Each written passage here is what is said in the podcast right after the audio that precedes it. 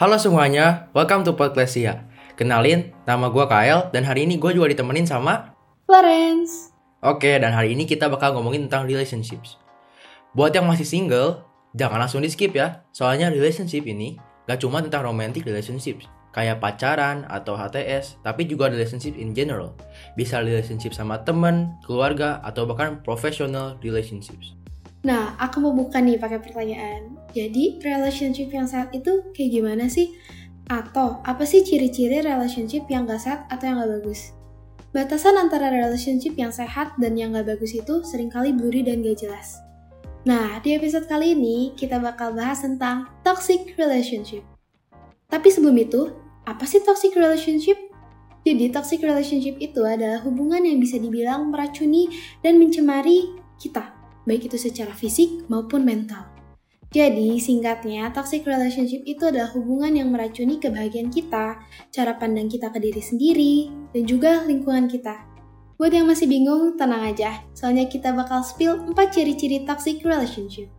Oke, yang pertama, kurangnya rasa percaya. Banyak yang bilang, kunci dari sebuah hubungan adalah kepercayaan. Makanya, penting banget buat punya rasa percaya di dalam hubungan. Kalau kurang, ini bisa jadi masalah dalam hubungan itu sendiri. Misalnya jadi posesif, gampang curiga, sering bohong, sering ganggu privasi, dan masih banyak lagi. Yang kedua, kebiasaan mengontrol. Biasanya, orang yang ada di toxic relationships sering ngerasa dikontrol atau dikekang. Akibatnya, dia jadi gak berani nolak atau bilang enggak dan selalu nurut sama pasangannya atau pihak lain di relationship itu. Lama-lama, dia bakal susah jadi diri sendiri sampai akhirnya ngerasa buruk sama diri sendiri. Yang ketiga, I'll take and no give. Relationship itu gak cuma take aja, gak cuma give aja, tapi take and give. Relationship itu harus diperjuangin sama dua pihak. Gak bisa cuma satu aja yang terus berkorban. Tapi satunya lagi gak ada effort. Mungkin buat sekarang, satu orang itu mau terus berkorban sama berjuang.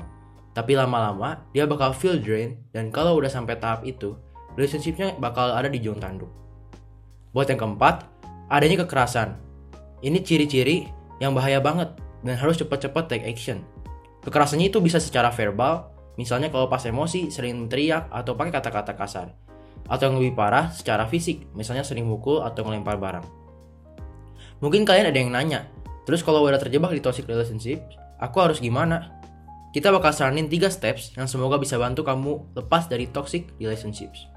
Oke, yang pertama, evaluasi. Evaluasi hubungan kamu dan diri kamu sendiri. Apa aja struggle yang dihadapin selama ini? Apa yang kamu rasain selama ini?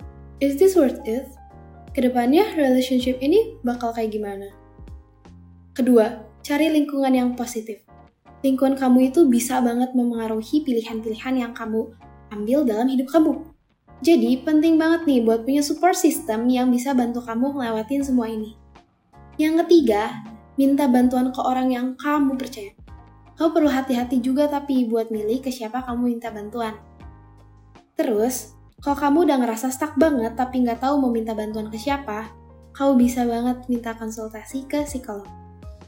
Yang keempat, lepasin secara perlahan. Toxic relationship itu bisa heal by the time, tapi butuh effort dari dua pihak buat sama-sama perjuangin dan pertahanin relationshipnya. Tapi ada satu quotes nih yang bagus banget buat jadi consideration kalian. Sometimes, you need to give up on people, not because you don't care, but because they don't. Jadi inget ya guys, kalau relationship kalian udah gak sehat dan udah toxic banget, cepet-cepet deh take action dan jangan dibiarin. Kal karena kalau dibiarin malah bakal ngerugiin diri kalian sendiri. Segitu aja dari kita. Thank you for tuning in and see you when I see you guys. Bye-bye. Bye-bye.